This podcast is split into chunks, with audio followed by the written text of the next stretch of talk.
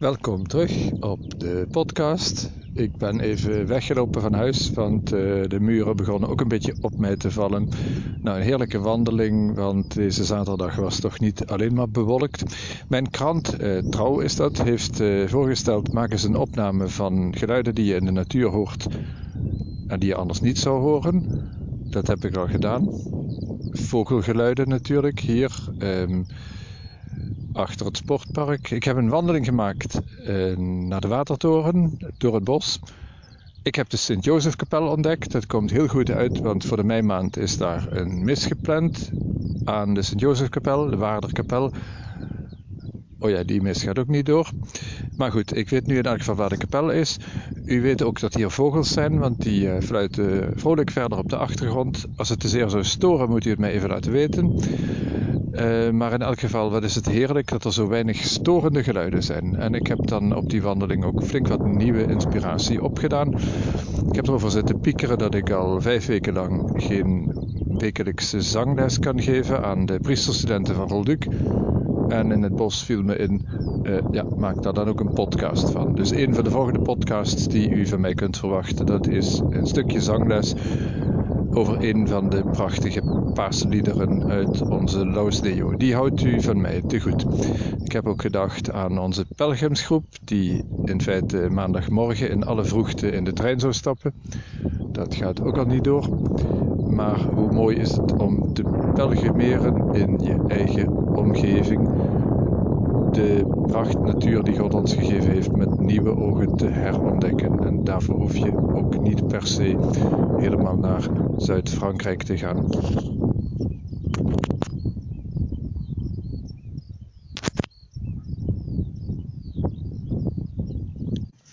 Zo, ik ben weer terug in Wouwbach. Het was inderdaad een heel mooie wandeling.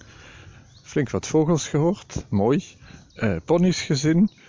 Uh, geen koeien gezien.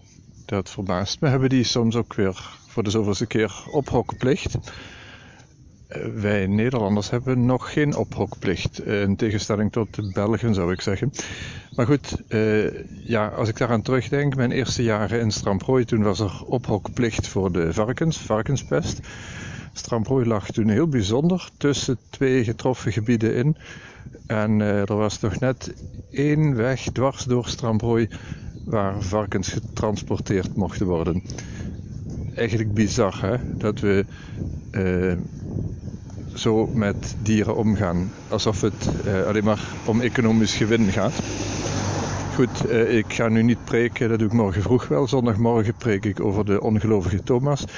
Maar um, ja, misschien met z'n allen toch nog eens even nadenken. Wat moet het nieuwe normaal worden? Anderhalve meter weten we nu wel. Maar um, met wat voor respect gaan we met de dierenwereld om? Oké, dat moest ik even kwijt. Ik heb uh, trouwens de klokken van Scherpenzeel vanavond niet gehoord. Volgens mij luiden die iedere avond een royaal kwartier. En heel mooi trouwens, maar vandaag heb ik ze gemist. Wij zijn trouwens woensdag ook vergeten de klokken te luiden. En uh, criticus zal zeggen van, uh, wat heb je daar ook aan? Daar krijg je het virus toch niet mee weg. Um, nou, laten wij toch maar blijven bij onze klokken. En bij onze kaarsjes en novenkaarsen. En vooral bij ons stilgebed. Uh, dat God ons op de goede weg zal helpen. Ik wens u een goede zondag toe.